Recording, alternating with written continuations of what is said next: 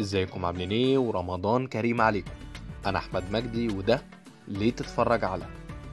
في الحلقة دي هقولك ليه تتفرج على مسلسل موسى. في البداية مسلسل موسى هو بيتناول واحدة من القصص التراثية الشهيرة وهي قصة أدهم الشرقاوي.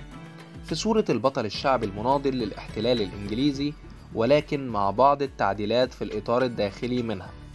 فالقصة هنا بيظهر فيها موسى في فترة الأربعينات أو الخمسينات في واحدة من قرى الصعيد.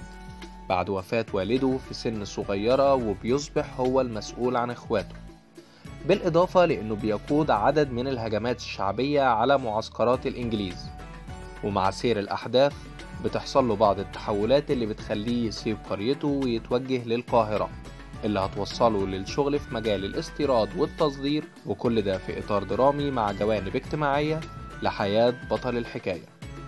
المسلسل هيكون من بطولة محمد رمضان وسمية الخشاب ورياض الخولي وصبري فواز وسيد رجب وهبة مجدي وعرفة عبد الرسول ومع مجموعة تانية كبيرة من النجوم.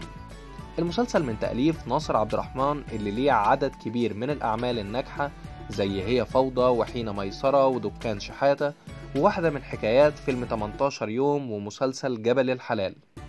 ومن إخراج محمد سلامة اللي شارك في أعمال زي الأب الروحي واحد ولما كنا صغيرين وأخرج مسلسلات زي رحيم ونصيبي واسمتك تلاتة والحرامي. وبكده تكون عرفت ليه تتفرج على مسلسل موسى في رمضان 2021